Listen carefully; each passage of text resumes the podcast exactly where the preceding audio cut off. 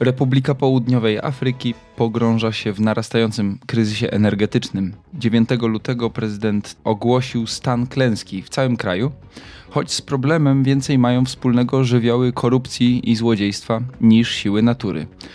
Jak doszło do tego, że w kraju, który rocznie produkuje ponad 200 milionów ton węgla, brakuje prądu w gniazdkach? O tym w dzisiejszym odcinku. Przy mikrofonie Krzysztof Story i Wojciech Jagielski. Słuchacie podcastu Tygodnika Powszechnego.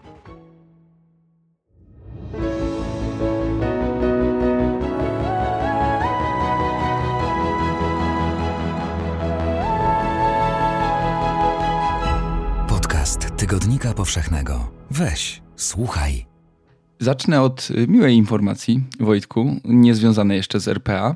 Otóż y, nasz podcast Jagielski Story kończy właśnie rok. Pierwszy odcinek wypuściliśmy 9 marca 2022 roku, więc pierwsze urodziny.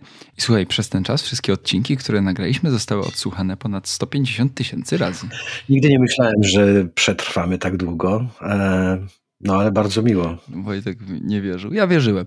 E, dziękujemy Wam za zaufanie. Zapraszamy na kolejne odcinki, a teraz już wybieramy się do RPA. Spojrzymy na to państwo przez pryzmat y, ogromnego kryzysu energetycznego. Kilka informacji, do których wrócimy później, ale nakreślą e, trochę obraz. Ten kryzys nie trwa od dzisiaj. To jest od ponad dekady problem RPA. Drugie, kluczowym bohaterem e, tego odcinka będzie firma Eskom, to jest państwowy gigant, y, który ma za zadanie właśnie dostarczać prąd do gniazdek w RPA, produkuje 90% energii elektrycznej w kraju. No i o problemach tej firmy będziemy musieli sporo opowiedzieć. I trzecim takim słowem kluczowym jest węgiel y, dla tego odcinka, bo 80 ponad 5% energii elektrycznej w RPA pochodzi właśnie ze spalania węgla i o tym, jak y, taki zależny od węgla miks energetyczny sobie dzisiaj radzi. Porozmawiamy, ale zaczniemy od tu i teraz, od tego, co się na bieżąco dzieje teraz w RPA i od przedstawienia skali problemu. W zeszłym roku mniejsze lub większe wyłączenia prądu miały miejsce przez 205 dni w ciągu roku, znakomitą większość. W tym roku jeszcze nie było dnia, w którym Eskom oświadczyłby tak, jesteśmy w stanie dostarczyć prąd wszystkim bez problemu. Codziennie są nowe komunikaty. Zajrzałem na stronę, teraz jesteśmy na poziomie e, odłączeń, bo Eskom posługuje się takimi poziomami e, tego kryzysu. Jesteśmy na poziomie trzecim, w niektórych obszarach kraju na czwartym. Trzeci to oznacza mniej więcej 20% czasu bez prądu, czwarty to jest 25% czasu bez prądu. Natomiast bardzo często teraz ogłasza się i poziomy piąte i szóste i, i ta skala prowadzi nas aż do ośmiu, kiedy nie ma prądu przez 12 godzin dziennie. Tego się można spodziewać. Wojtku, jak to wygląda dla końcowych użytkowników? Y, dla człowieka, który albo próbuje po prostu żyć w RPA, albo prowadzić tam biznes? Czy to jest w jakikolwiek sposób przewidywalne też? Czy ten prąd będzie, o której on będzie? E, trzeci stopień czy czwarty stopień zasilania to nie jest taka, takie wielkie nieszczęście. Mm, moja znajoma e, przysłała mi tę skalę mm, wyłączeń czy odciążania mm, sieci energetycznej i, i wynika z niej, że, że trzeci stopień i czwarty w zasadzie e, dotyka tylko godzin bardzo wczesnoporannych, między czwartą rano a siódmą, więc e, da się przetrwać, bo zwykle wtedy śpimy. Jeżeli prąd przyjdzie później, no to z toaletą poranną, z pierwszą kawą może być kłopot, ale to są wyjątkowe dni, to jest tym trzecim stopniem e, zdejmowania obciążeń, dlatego że rzeczywiście, tak jak powiedziałeś, e, w tym roku mieszkańcy południowej Afryki, a no, dobrze przypomnieć, bo ludziom z mojego pokolenia myślę, że ta południowa Afryka kojarzy się wszystkim jednako, jako jeden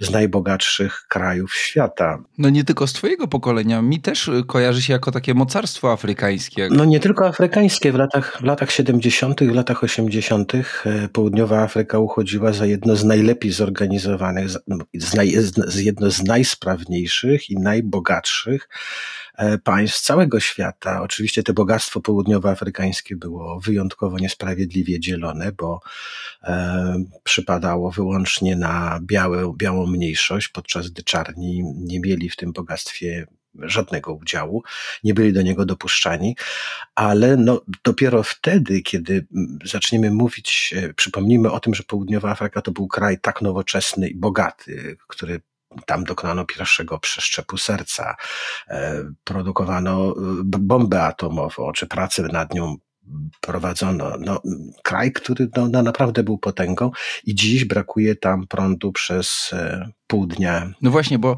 tym się kończą te stopnie 7-8 odciążania sieci. No te najtrudniejsze stopnie, naj, najwyższe stopnie odciążania e, sieci energetycznej oznaczają, że E, że prąd w zasadzie włączany będzie tylko w środku nocy, no właśnie między gdzieś północą a czwartą rano. Potem na chwilę przed południem między 8.30 a 12 i, i, i wieczorem między 16.30 i 20 i, i koniec.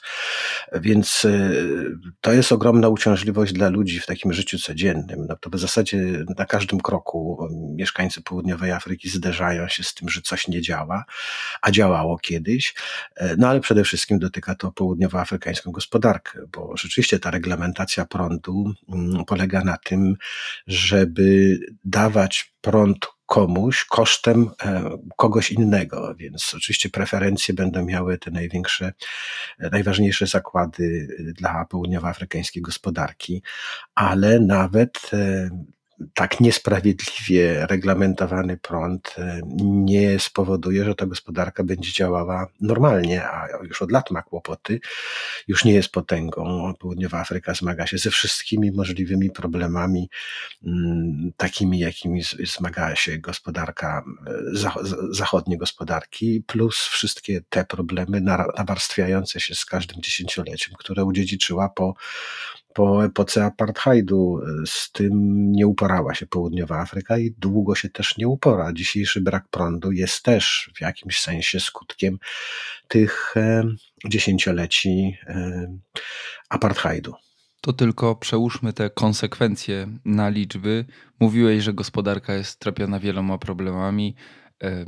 Jednym z nich jest bezrobocie, które e, stopa bezrobocia w RPA teraz przekracza 33% czyli co trzeci e, obywatel jest bez pracy.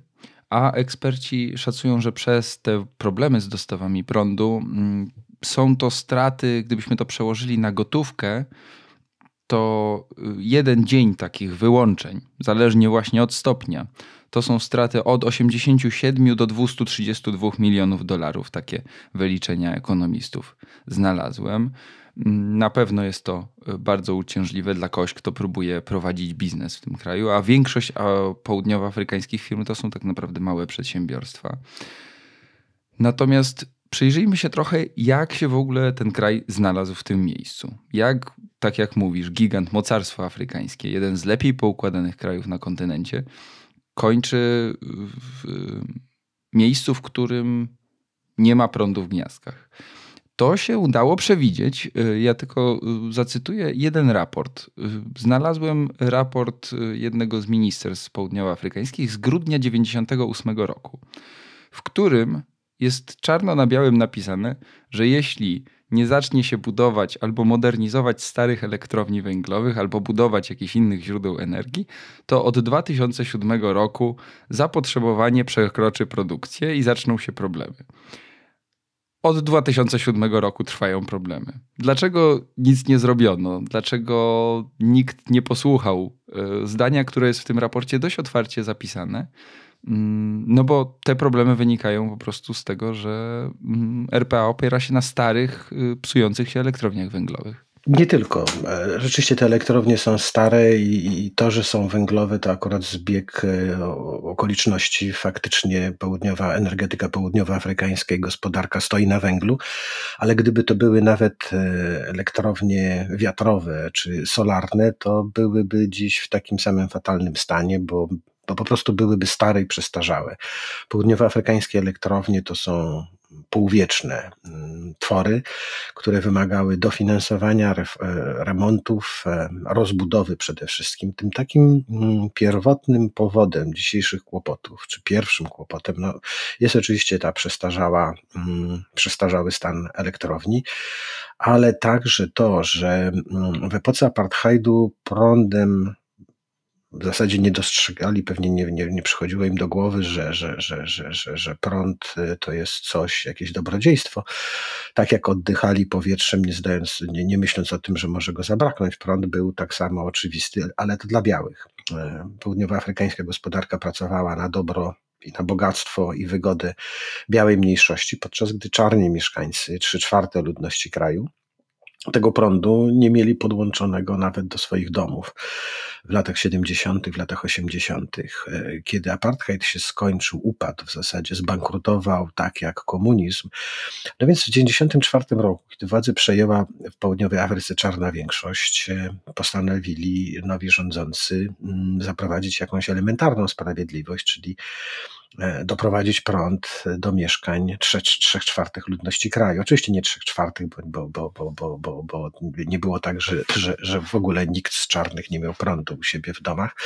No ale klientów Eskomu przybyło e, gwałtownie, e, a Eskom się i elektrownie Eskomu starzały. I to był główny problem. Popyt na prąd zdecydowanie zaczął przekraczać podaż z roku na rok. Doszli do władzy ludzie nowi, niekoniecznie kompetentni, być może dostrzegali pilną potrzebę remontów systemu energetycznego, ale może nie wiedzieli, jak się za to zabrać, albo uważali, że są pilniejsze sprawy. Myślę, jak każda opozycja, która przejmuje władzę w kraju, zwłaszcza opozycja rewolucyjna, najpierw daje sobie czas, żeby tą władzą się naupajać, nacieszyć, naświętować, a dopiero potem zabrać się za jakieś głupoty, jak wywożenie śmieci, prąd, woda w kranie, ciepła czy zimna. Straszne nudy nudy strasznej rewolucjoniści zwykle się tym zajmują na ostatku i wkrótce przegrywają pierwsze wybory, które są sprawdzające dla tej rewolucyjnej władzy. E, po trzecie czy po czwarte, problemy Eskomu pokazały, że południowoafrykańska gospodarka, czy ten ustrój apartheidu był jednak ustrojem szalenie scentralizowanym. Południowa Afryka była e, krajem izolowanym i żeby sobie, żeby przetrwać te sankcje, mm, no, musiała tą gospodarkę scentralizować. Te podstawowe E, gałęzie gospodarcze, takie jak energetyka, przemysł wydobywczy, transport, znajdowały się w rękach państwa.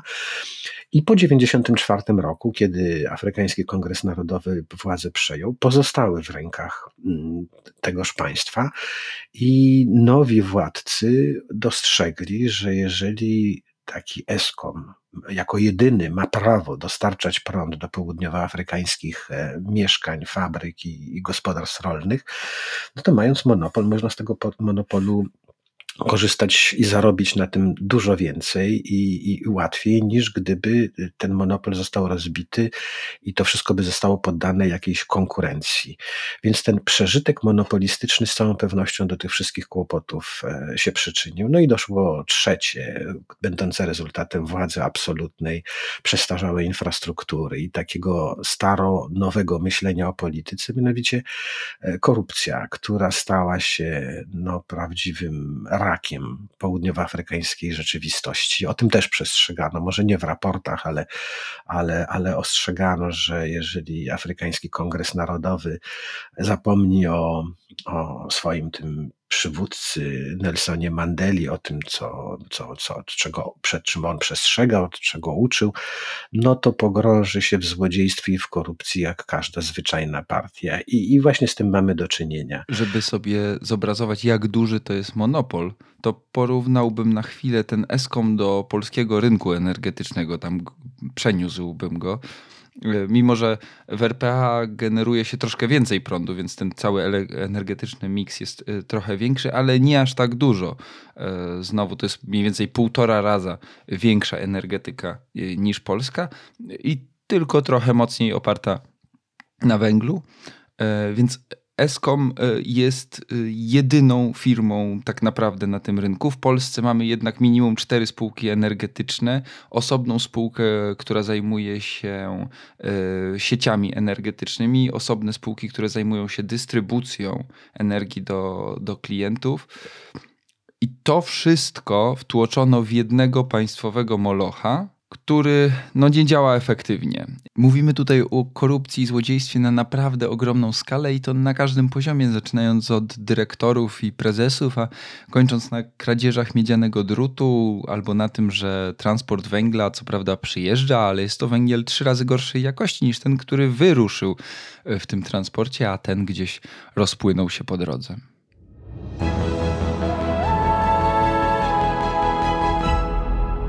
To nie wszystko, co dla Ciebie mamy. Kup Tygodnik Powszechny na stronie tygodnikpowszechny.pl i sprawdź swoją zniżkę z kodem podcast. Jednym z takich pomysłów na zaradzenie temu kryzysowi w porę było to, że 15 lat temu zaczęto budowę dwóch wielkich potworów węglowych, dwóch wielkich elektrowni w Medupi i w Kusile to miały być, one obydwie miały być w, w top 10 elektrowni węglowych na świecie.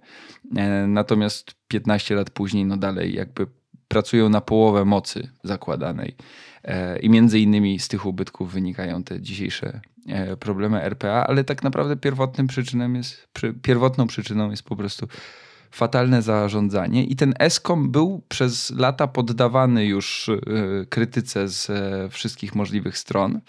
E, między innymi taka komisja e, śledcza e, prowadzona przez Raimonda Zondo badała korupcję w Eskomie Możesz opowiedzieć więcej o, o, jej ustaleniach i o tym, jak ESCOM funkcjonuje dzisiaj w tym państwie? Czy on dalej jest tak bezkarny i ci, ci ludzie, którzy chcieliby na tym korzystać, a może tak? Komisja sędziego rządu została powołana nie tylko po to, żeby zbadać, co złego się działo i dzieje w ESCOMie, ale co takiego fatalnego stało się z południowoafrykańskim państwem za prezydentury poprzedniego przywódcy Jacoba Zumy. Um, Zuma nastał, to był trzeci prezydent Południowej Afryki, w zasadzie czwarty, po Nelsonie Mandeli, po Thabo Mbekim nastał Jacob Zuma. To był rok 2008 e, e, i za panowania tego prezydenta Południowa Afryka została przejęta przez przyjaciół, znajomków e, i rozmaite osoby powiązane z tymi znajomkami Zumy.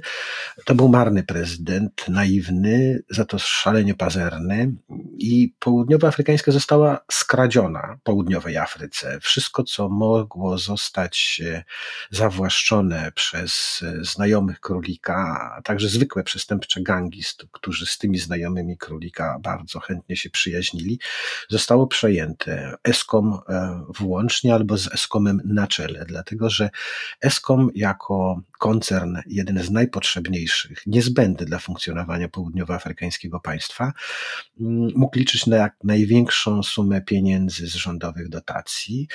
Największy był tort do podziału i to wszystko, co tam się działo, te nieszczęsne elektrownie, które miały odciążyć południowoafrykańską energetykę, a w zasadzie stały się kolejnym ciężarem dla niej, to, że one nie działają, to jest rezultat korupcji i tego, że elektrownie, cały system energetyka południowoafrykańska została przejęta przez przestępcze gangi albo paraprzestępcze gangi powiązane z politykami Afrykańskiego Kongresu Narodowego.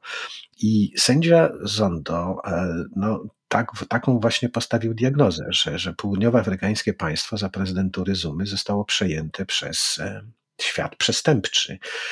ESCOM nadal jest tą przeżartą przez, przez, przez korupcję e, strukturą gospodarczą, z którą południowa Afryka nijak nie może sobie poradzić, no bo tam rzeczywiście zarobek jest największy zarobek, e, który można osiągnąć na dostawach węgla po zawyżonych cenach, e, na remontach, których się nie przeprowadza, za które pobiera się pieniądze. W zasadzie na wszystkim.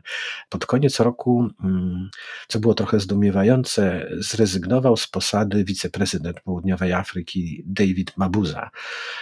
On został też, to była zaskakująca nominacja, złodzieja prezydent Ramaphosa, głosząc walkę z korupcją, a on odsunął od władzy Jacoba Zumę, tego prezydenta złodzieja, e, na zastępcę wziął sobie Mabuzę, który w południowej Afryce uchodził za ober złodzieja, takiego lepszego złodzieja, który kradł, ale nie pchał się na afisz.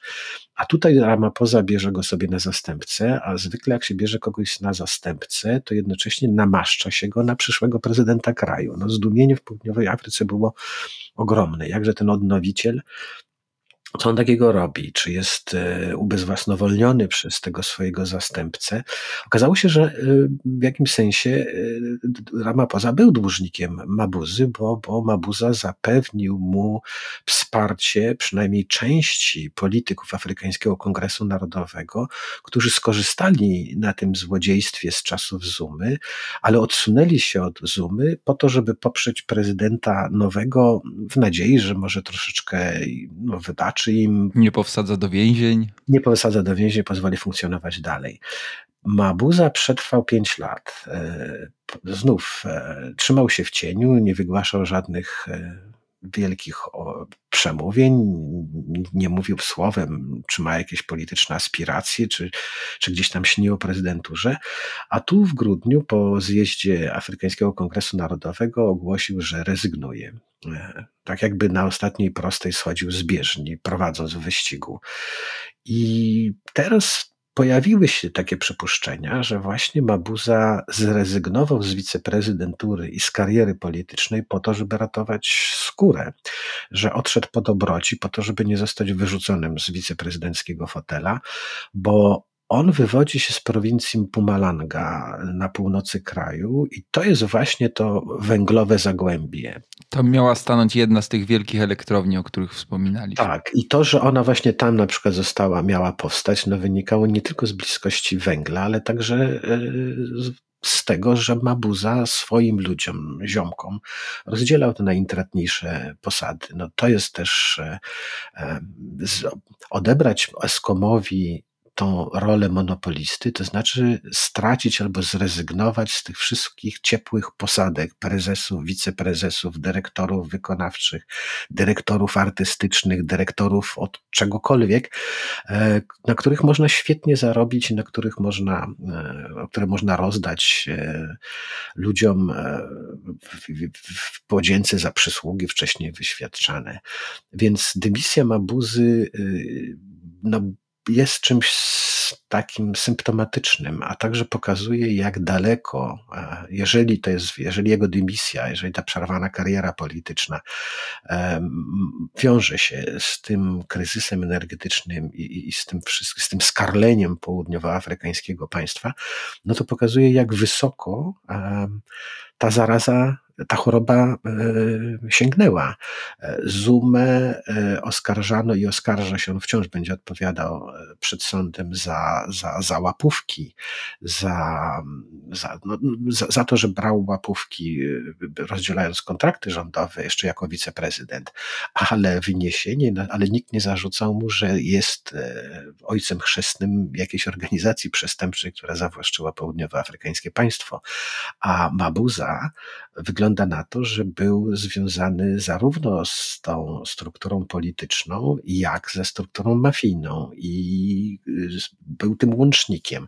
Jeszcze jeden człowiek złożył dymisję pod koniec zeszłego roku i był to Andre de Reuter, prezes Eskomu, który miał być też takim odnowicielem, czy właśnie tym, który trochę wyrwie tą firmę z bagna, które opisałeś. No i złożył dymisję w grudniu zeszłego roku po tym, jak próbowano otruć go cyjankiem, a przynajmniej tak twierdzi.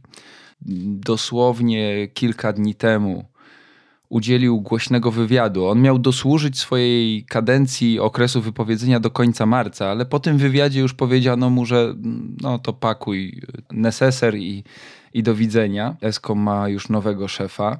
Natomiast ten wywiad jest y, szokujący. Nie wiem, można by sobie wyobrazić w Polsce prezesa PGE, y, czy PGNiG, czy Orlenu, który przychodzi do telewizji, dziennikarka go pyta, proszę pana, czy uważa pan, że PGE czy Orlen stały się państwowym korytem do dojenia pieniędzy, bo ona dokładnie w tych słowach go zapytała, a on mówi, tak, mam na to dowody. A on powiedział, że fakty na to wskazują, czy... czy... Próbuję sobie w tej roli wyobrazić Daniela Obajtka. No to postaraj się mocniej. E, nie porównuję sytuacji w obydwu krajach i nie sądzę, żeby prezesom e, polskim koncernów e, groziło otrucie. Natomiast Reuter rzeczywiście mógł obawiać się, że taki los go spotka. Zresztą nie tylko on, prezydent Ramaphosa sam opowiadał, bo to on De Reutera mianował prezesem SKOM-u z zadaniem no, zrobienia porządku w tym koncernie. Po to prezydent Ramaphosa posłał De Reutera.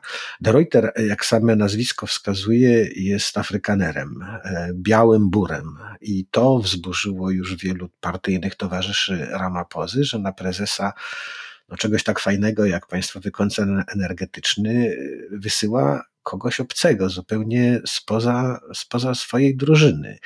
E, kogoś, kto ma ich kontrolować, kto ma sprawdzać kontrakty, jakie podpisują, czy się wreszcie ma sprawdzić, czy, czy, czy, czy się w ogóle znają na tej pracy, czy, czy mają jakiekolwiek pojęcie.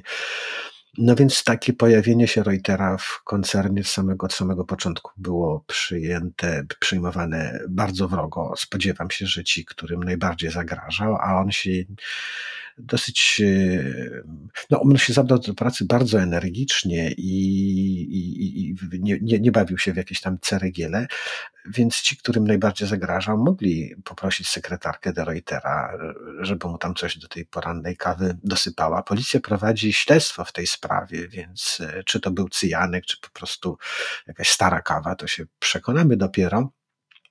Natomiast Poza, który rozmawiał z Dereuterem nieraz, sam opowiadał w rozmaitych wywiadach, aczkolwiek on ma taki osobliwy sposób krotochwilnego opowiadania. Mówił o wiceprezesach, o dyrektorach, którzy przychodzą do pracy w Eskomie ubrali w kamizelki kuloodporne na przykład. To, to tak, takie BHP.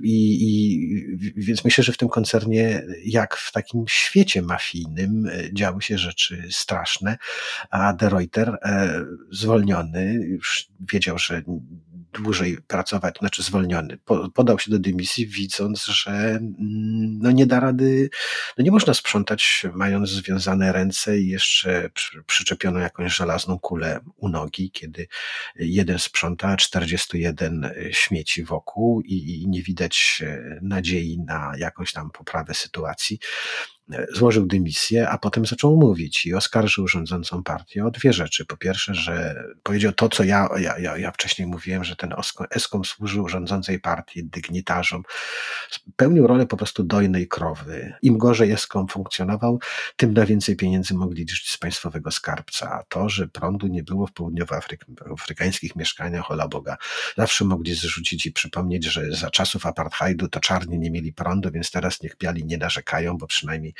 nie muszą mieszkać w jakichś białych sołetach, tylko pozostali w tych swoich domach, e, więc nie jest im tak źle, nie powinni narzekać. Reuter powiedział jeszcze jedno, że południowe, południowe Afrykańskiemu Kongresowi Narodowemu zależy wyłącznie na tym, żeby utrzymać się u władzy, więc teraz będzie wykonywał jakieś pozorne działania, ogłaszał stany wyjątkowe, e, przysięgał ponownie, że zwalczy, wypleni go żelazem korupcję, ale to wszystko będzie się działo tylko po to, żeby wygrać kolejne wybory, a one będą za dwa lata i, i, i utrzymać się samodzielnie, pojedynkę u władzy i potem zastanowić się, może to jakoś będzie. Mówiłeś o krotochwilnym stylu Cyryla Ramapozy. Pojawiło się też w twojej odpowiedzi słowo nadzieja. No to się jakoś łączy, bo w tym przemówieniu, w którym on ogłasza stan klęski na terenie całego kraju, bo nie ma prądu, on zaczął od takiego no, ja się prawie wzruszyłem, powiem ci, bo on zaczął od takiego fragmentu, w którym mówi, że nie definiuje nas e, bogactwo pod ziemią, ani piękny krajobraz na ziemi. Nie definiują nas nasze morza, nasze miasta. Definiuje nas właśnie nadzieja jako południową Afrykę, że to jest kraj pełen nadziei, która zawsze napełni nasze żagle i poprowadzi w stronę świetlanej przyszłości. To jest dosłownie jakby klimat e, przemówienia Cyryla Ramapozy. Nadzieja jest rzeczą, oczywiście doceniam, natomiast ona nie produkuje terawatogodzin energii. Czy Afrykański Kongres Narodowy, nowy prezes komu, sam prezydent mają jakikolwiek pomysł, jak z tego wybrnąć, bo Afryka, południowa Afryka znalazła się w punkcie trochę bez powrotu, czego jak czego trochę o energetyce pisze i jednym z takich podstawowych faktów w energetyce jest to, że nowych elektrowni nie stawia się w tydzień. No, trochę, trochę, trochę mają tych pomysłów, niektóre są pomysłami ich własnymi, a niektóre to są sprawy podpowiedziane gdzieś tam przez przyjaciół w całym świecie. E, De Reuter e, jako prezes SKOM-u odegrał chyba mówią, kluczową rolę w tym, że y, zapewnił południowej Afryce kilka miliardów, oto są obiecane pieniądze, ale, a nie jeszcze podarowane, ale obiecano mu prawie 10 miliardów dolarów południowej Afryce. Zachód obiecał na przestawienie się gospodarki mm, na te paliwa odnawialne. E, z, z, I to dzisiaj wyrzucają De Reuterowi, że zamiast zajmować się elektrowniami, mm, które już są, e, bujał w obłokach i wyobrażał sobie, jak będzie wyglądała energetyka południowoafrykańska za 20, 30, 50 lat.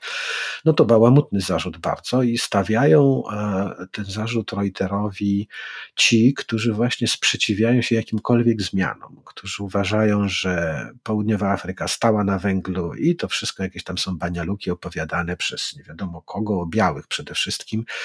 I, I ten węgiel w południowej Afryce jest i przestawiać energetykę na cokolwiek innego to jest po prostu ryzyko i jakieś tam igraszki e, wielkomiejskich liberałów.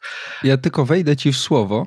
Bo jednocześnie oczywiście um, mówiono o tym, że przestawiać się z węgla to jest po co to komu, a z drugiej strony De Reuter w tym samym wywiadzie, o którym wspominaliśmy, oskarżył um, czołowych polityków, on nie, nie używa tam nazwisk, natomiast powiedział, że czołowi politycy Afrykańskiego Narodowego Kongresu już y, robili do niego podchody, żeby te 8,5 miliarda dolarów, które on wynegocjował od Zachodu na przestawienie się na czystą energię, żeby lekko rozluźnić, rozluźnić kryteria antykorupcyjne przy wydawaniu tej fortuny. No tak, e, ale te lobby węglowe e, przede wszystkim blokowało i blokuje dzisiaj przestawienie się, jakiekolwiek reformy, jakiekolwiek zmiany w południowoafrykańskiej energetyce. E, Południowa Afryka ma wyjątkowo korzystne warunki, żeby choćby spróbować tej energetyki wiatrowej. Wiatrów w południowej Afryce, myślę, proporcjonalnie jest tyle samo, co, co, co węgla, zwłaszcza w tych prowincjach bliżej Kapsztadu, północny przylądek, zachodni zachodni przylądek, myślę, że tam. E, ja patrzyłem na mapy wietrzności, to wygląda bardzo dobrze. Tak, na druga źródło to jest po prostu ta energia słoneczna, a lobby węglowe doprowadziło do tego, że nie ma, wciąż nie istnieją przepisy, które pozwala, które pozwalały już nie tyle rozbić monopol Eskomu, ale chociażby go uszczuplić, chociażby o tych parę procent się posunąć. Więc dopiero teraz, w dobie kryzysu ciężkiego, e, pisane są na kolanie przepisy wykonawcze, ustawy, które pozwalają, e, żeby jakieś firmy e, zajmujące się taką alternatywną energetyką miały dostęp do potencjalnych klientów. Bo dzisiaj dla tych, którzy nie mają prądu albo którym prąd jest wyłączany, zwłaszcza dla tego średniego biznesu i małego biznesu, pozostaje kupowanie paliwa dieslowego i produkowanie na własną rękę prądu przy pomocy generatorów. To podraża koszty działalności gospodarczej gospodarczej, truje środowisko. No, to, to nie jest żadna działalność na przyszłość, ale to jest jedyne, co im pozostaje, póki nie pojawi się jakieś alternatywne źródło energetyczne, a przed tą alternatywą broni się potężne lobby e, węglowe, które jest związane i z Afrykańskim Kongresem Narodowym, i z tymi grupami przestępczymi, które nie pozwolą, e, nie pozwalają e, rozbijać monopolu. I te lobby węglowe to są także górnicy, bo zamykanie kopalni oznacza wyrzucanie z pracy tych tysięcy górników. Związek Górników jest najsilniejszym ze wszystkich związków zawodowych w południowej Afryce. Jednym z przywódców w latach 80. E, z tego Związku Górniczego był dzisiejszy prezydent Cyril Ramaphosa, więc tym bardziej jemu niezręcznie jest dzisiaj zamykać kopalnie, których e, kiedyś, no nie to, że bronił, bo nikt wtedy nie myślał o zamykaniu kopalń, ale bronił ojców tych górników, których dzisiaj miałby wyrzucać z pracy. I w ogóle mm, problem Afrykańskiego Kongresu Narodowego to jest, e, byłby problemem dzisiejszej Solidarności, która, gdyby ona przetrwała jako ruch społeczno-polityczny i dalej sprawowała władzę w Polsce, wyobraźmy sobie taką sytuację, że po 1989 roku, kiedy Solidarność zwycięża w wyborach, przejmuje władzę, rządzi do dziś. I w tej samej partii jest Donald Tusk i Jarosław Kaczyński. E, I jeszcze tam paru innych, którzy dzisiaj gdzieś się szwędają po jakichś tam marginesach e, albo, albo odgrywają znaczącą rolę, ale w zupełnie innych partiach politycznych, o zupełnie innych przekonaniach i przekonanie, że w innym kierunku należy zmierzać. W południowej Afryce w tej samej partii jest Cyril Ramaphosa i David Mabuza. Jacob Zuma jest również e, członkiem Afrykańskiego Kongresu Narodowego. Więc trudno Ramaphosie, który myślę, że jest szczerze przekonany do, do, do konieczności tych zmian i to zmian jak najrychlejszych, jak przeforsować te zmiany, kiedy w swojej własnej rządzącej partii ma takich potężnych hamulcowych, którzy za wszelką cenę starają się te zmiany blokować, którzy robią wszystko, żeby odebrać mu władzę, nawet kosztem utraty, niechże ta, już niech ta partia lepiej straci, niż żeby rządził Ramaphosa. Więc to jest cały problem Ramaphosa. Ramaphosa, kiedy obejmował władzę po on był tą wielką nadzieją dla południowej Afryki. Niektórzy mówili ostatnią nadzieją dla południowej Afryki. I ta nadzieja E, ta nadzieja e, bleknie, dlatego że e, czas mija. Przez pierwszą kadencję Ramaphosa w zasadzie walczył ze swoimi partyjnymi przeciwnikami. Potem przyszła klęska COVID-u, a zaraz po niej ten kryzys energetyczny, który y, no, może nie uśmierca, ale bardzo osłabia południowoafrykańską gospodarkę, a Ramaphosa zamiast brać się za jej remont, taki gruntowny, musi wciąż zmagać się ze swoimi politycznymi przeciwnikami w swojej własnej rządzącej partii politycznej. W tej historii absurd goni absurd. Południowa Afryka dzisiaj produkuje około 13% elektryczności z odnawialnych źródeł to rośnie, ale bardzo, bardzo powoli. Naprawdę na przekór wszystkiemu, bo dopiero teraz ty mówisz, że na kolanie pisze się przepisy. Ja bym tego nawet nie nazwał przepisami momentami, bo to jest taka wolna Amerykanka. Nagle okazuje się, że jakimś rozporządzeniem czy ustawą dopuszcza się podłączanie prywatnych elektrowni do 100 megawatów yy, mocy bez większych pozwoleń i, i przemyślenia. To jest, jakbym miał to sobie wyobrazić w polskim systemie energetycznym, to to jest jakaś przepis na klęskę i po prostu wy, wykolejenie całej sieci przesyłowej. E, więc to ciężko to nazwać przepisami. Jednocześnie południowa Afryka wydobywa ponad 200 milionów ton węgla rocznie. E, jest jednym z największych eksporterów węgla, a jednocześnie w samym kraju brakuje prądu z węgla. Ale zaczyna się jeszcze taki ruch, który tak naprawdę partyzantka energetyczna, to znaczy różne miasta, e, firmy, organizacje próbują się od tego Eskomu uniezależnić. Takie pomysły ma na przykład Kapstadt, który stawia po prostu własne magazyny energii w tym momencie i własne farmy słoneczne. To samo robi Johannesburg. To jest też kradzież energii po prostu. Czy przyszłość właśnie tak się maluje dla RPA, że to po prostu będzie taka partyzancka wojna i, i, i taka niezale- dzika prywatyzacja energetyki. To znaczy, kto, kogo będzie stać, to sobie po prostu postawi jakąś farmę wiatrową czy słoneczną, a ten Eskom będzie gdzieś tam dowory, dogorywał z tymi miliardowymi długami swoimi i złodziejstwem. No, Południowa Afryka to jest kraj osadników, pionierów, e, więc wyobrażam sobie, że początkiem czegoś nowego będzie taki stan przejściowy, no właśnie taki, który opisywałeś, że coś stanie się niewydolne, więc taki osadnik nie czekał, aż ktoś pojawi się zbawca, wiedział, że przetrwanie zależy tylko i wyłącznie od niego. Ja myślę, że to może zacząć się od takiego ruchu oddolnego. Mm, trudno zabraniać Kapsztadowi, czy Johannesburgowi, czy, czy, czy, czy Port Elizabeth e, starań o niezależne własne źródła energii w sytuacji, kiedy tej energii całkowicie brakuje. Tutaj żaden rząd centralny nie będzie bił po łapach rządów prowincjonalnych, że robią coś, czego, czego, czego, nie, czego przepisy nie pozwalają. To raczej te przepisy będzie się naginało, czy będzie się patrzyło przez palce na nie. Dla Afrykańskiego Kongresu Narodowego jedyną biedą jest to, że w Kapsztadzie rządzi opozycja i im tam będzie lepiej, tym będzie to namacalnym bardziej dowodem dla pozostałych części kraju, że ten Afrykański Kongres Narodowy się po prostu nie zna na rządzeniu. Ale y, jest większe zagrożenie, bo jeżeli, jeżeli Eskom będzie, przestanie przynosić zyski, bo przestanie być modny, przestanie być rentowny, bo południowoafrykańskie państwo przestanie dopłacać do jego budżetu. Znaczy on rentowny to już dawno nie jest. No tak, no ale rentowny dla tych, którzy, którzy nim zarządzają, a, a nie jako przedsiębiorcy, to ci, którzy na tym do dziś, dziś zarabiają, czyli te przestępcze organizacje, przerzucą się na coś innego. A jeżeli tym czymś, co będzie dawało nadzieję na większe zyski, będzie ta alternatywna energetyka, to te farmy wiatrowe, te, te, te, te farmy e, słoneczne, chyba że się im w tym e, w jakiś sposób e, przeszkodzi. Działalność tych, to jest właśnie jak ta choroba śmiertelna albo bardzo groźna, która jak raz wejdzie w organizm, to bardzo trudno ją wypędzić bez skutków ubocznych. To jest ta korupcja.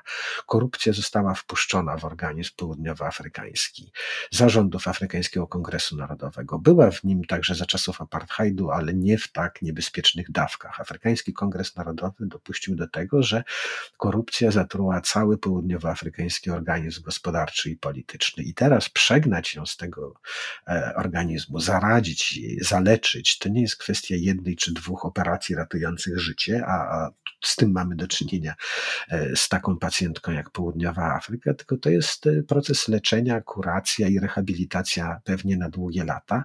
I kto wie, czy Południowa, Południowa Afryka nie zapłaci za ten zmarnowany czas, za, za tą nonszalancję albo za tą pazerność i łajdactwo polityków, tym, że z roli mocarstwa, jakim jeszcze niedawno była, stoczy się do roli przeciętniaka. Niewiele się będzie różniło od takiej Angolii, e, Zambii czy, czy, czy, czy, czy, czy Nigerii, e, aczkolwiek do sytuacji Nigerii, do poziomu korupcji nigeryjskiej wciąż południowej Afryce daleko. Gdybyście chcieli posłuchać o sytuacji w Nigerii, to poprzedni odcinek mieliśmy, bo Nigeria e, właśnie głosuje na prezydenta, a w zasadzie właśnie liczy głosy.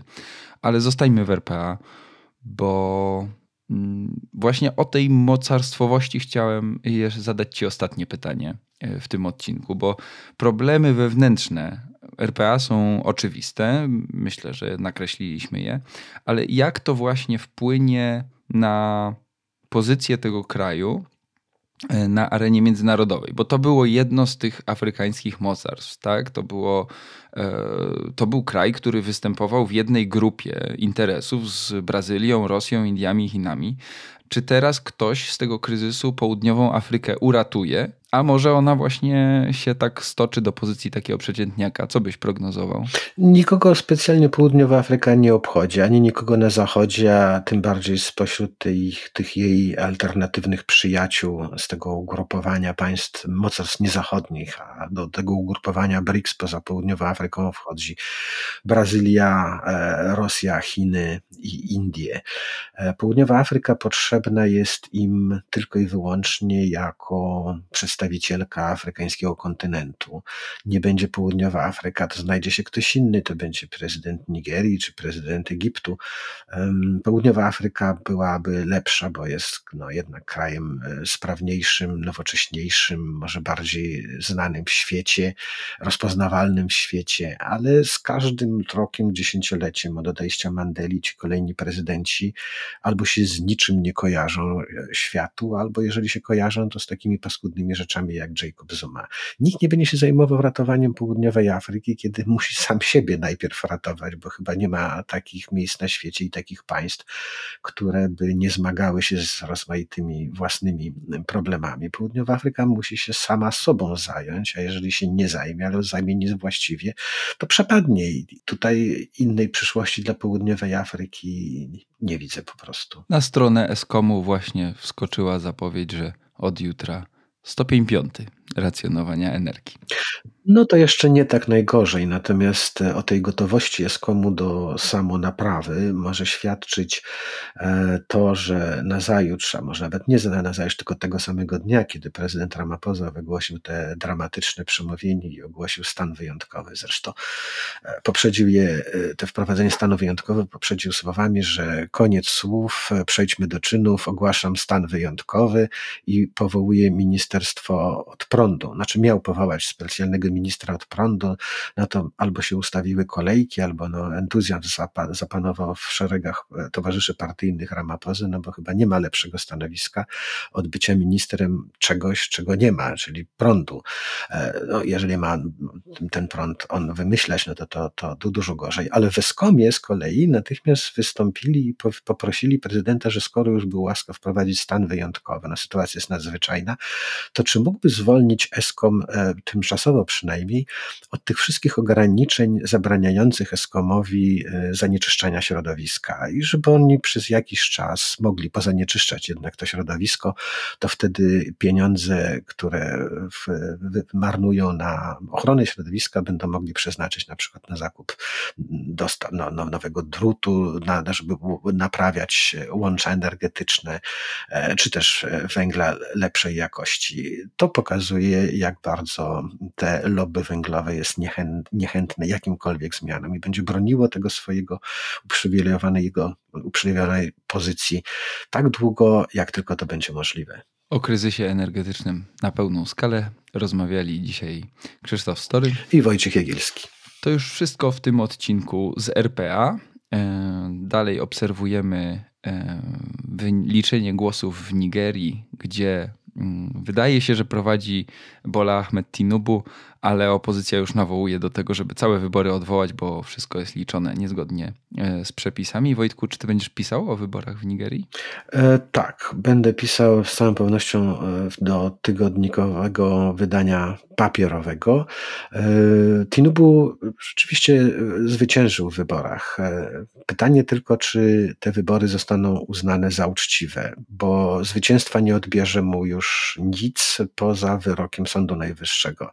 Sąd Sąd nigdy nie kwestionował przebiegów ani wyników wyborów w Nigerii. Sądzę, że teraz też tego nie zrobi. Y, dlatego postawiłbym na Tinubu i jego nazwałbym prezydentem elektem. E, będziemy musieli poczekać za trzy tygodnie, zanim oficjalnie zostanie ogłoszony prezydentem, a potem zaprzysiężony, ale myślę, że na to już czekać nie będę. Y, napiszę wcześniej, kim jest y, Bola Ahmed Tinubu i co to jego zwycięstwo oznaczać dla Nigerii, a też jakie stanowi dla tej Nigerii rozczarowanie. Po ten tekst i inne zapraszamy na tygodnikpowszechny.pl i do wydania papierowego. Przypominam, że z kodem podcast możecie kupić dostęp do tego wydania internetowego ciut taniej. A my dzisiaj Wam już chcemy tylko bardzo podziękować i powiedzieć do usłyszenia.